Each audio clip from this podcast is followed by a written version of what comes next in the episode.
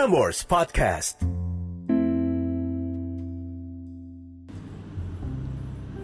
Catatan akhir malam oleh Narendra Pawaka.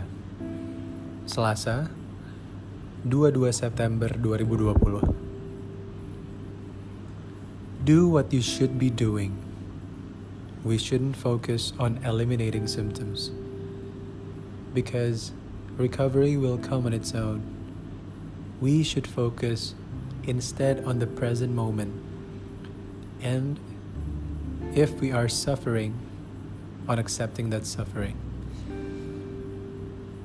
Diambil dari buku yang berjudul Ikigai tentang Morita Terapi. Dan kalau kamu mendengarkan ini, berarti gue udah di hari ketiga dinyatakan positif COVID. Sebelum gue lanjut membuka catatan gue, ini udah malam. So, tell me your side of a story. Tulis dan kirim ke email narendrapawaka at gmail.com. And I'll see you on the next episode. But for now, this is my side of a story. Disclaimer, gue ngerekam ini di ruang rawat inap rumah sakit. Jadi kalau misalnya ada suara perawat ataupun ada suara AC bocor, Mohon maaf ya kaulah muda. So, back again on my note. Udah tiga hari gue dirawat inap setelah didiagnosa positif COVID. The thing is, lebih pegel rasanya diinfus daripada COVID yang katanya bikin sesak napas dan gejala lainnya yang sampai saat ini gue nggak pernah tahu. Because I always think, the less I know, the better. Jujur nih kaulah muda, dari Maret, awal-awal pandemi, itu sampai September ini, gue nggak pernah mencari update di internet ataupun di media mana pun mengenai jumlah COVID di Indonesia tuh numbersnya udah berapa. But what I do know dari mojok artikel is that kantor Kementerian Kesehatan itu menjadi klaster kantor kementerian dengan kasus corona terbanyak. Now, at this moment, I'm not questioning kapan gue bisa keluar dari rumah sakit karena jawabannya adalah menurut protokol yang ada yaitu 10 hari isolasi.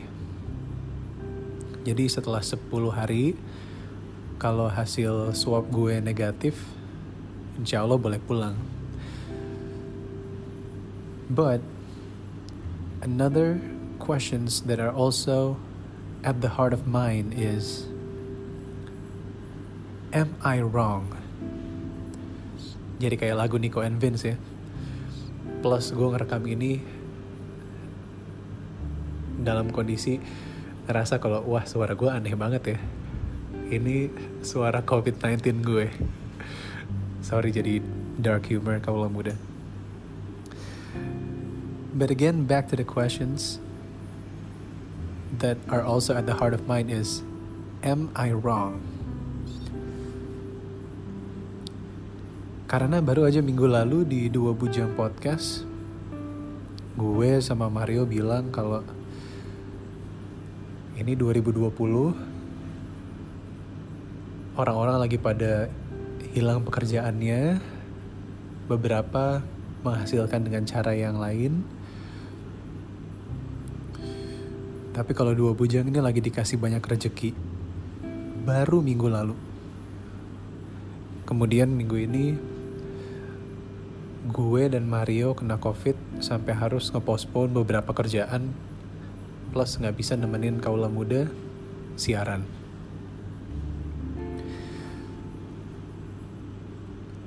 So, back again to the question, am I wrong to think that maybe deep down, maybe I needed the rest?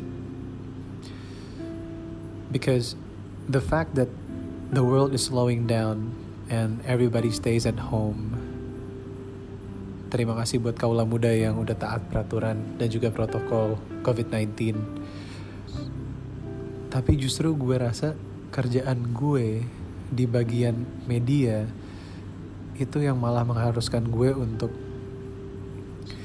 siaran plus syuting dari pagi sampai pagi sampai akhirnya yang terjadi adalah badan gue menolak.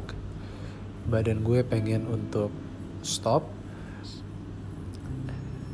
Terjadilah demam 39 derajat plus hilang indera penciuman gue. Ini berarti udah hari ketiga.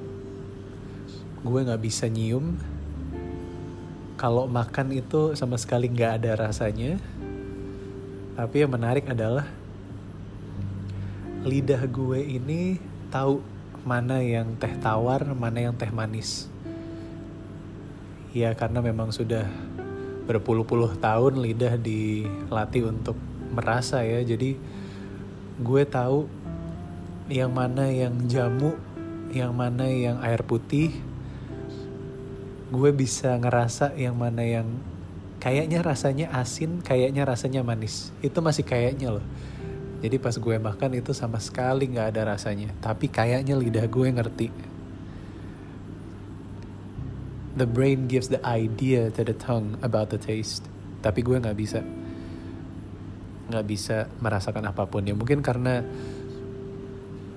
karena ada ingus di uh, saluran pernafasan gue jadi hilanglah indera penciumannya but anyways demam 39 derajat,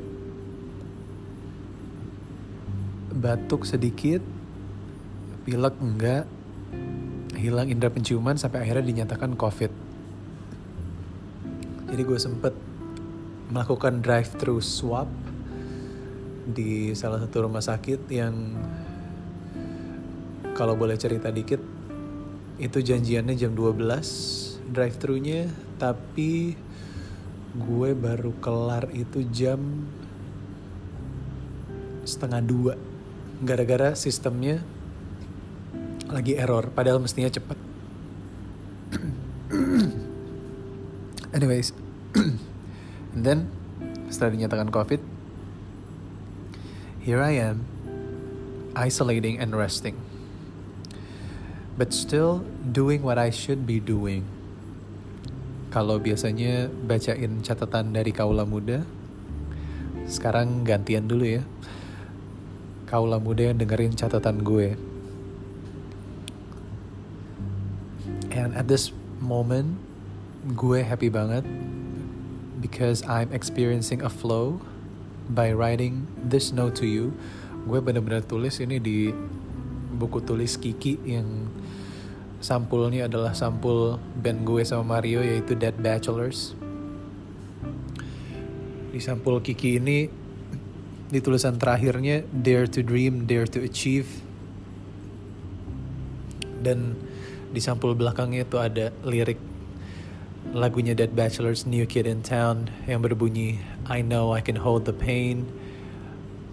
I bleed myself and live again. I close my eyes and pray to God For when it's night, show me the light. Come save me from myself. Yang pas gue baca, damn, gue lagi ngalamin nih. So, I'm experiencing a flow by writing these notes to you. A flow means a creative process when we are completely immersed in life. At the very last, but definitely not least,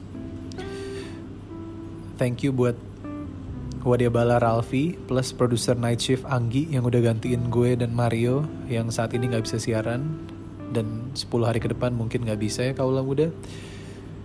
Thank you untuk produser catatan akhir malam Andiani Pratiwi yang tetap nge-produce podcast ini. Thank you Wadia Bala buat supportnya di grup WhatsApp and thank you kaulah muda yang sudah mendengarkan. Wherever you are, I hope you are well. My name is Narendra Pawaka. Tomorrow will be better. Have a good night, sleep tight, and don't let the bad bugs bite.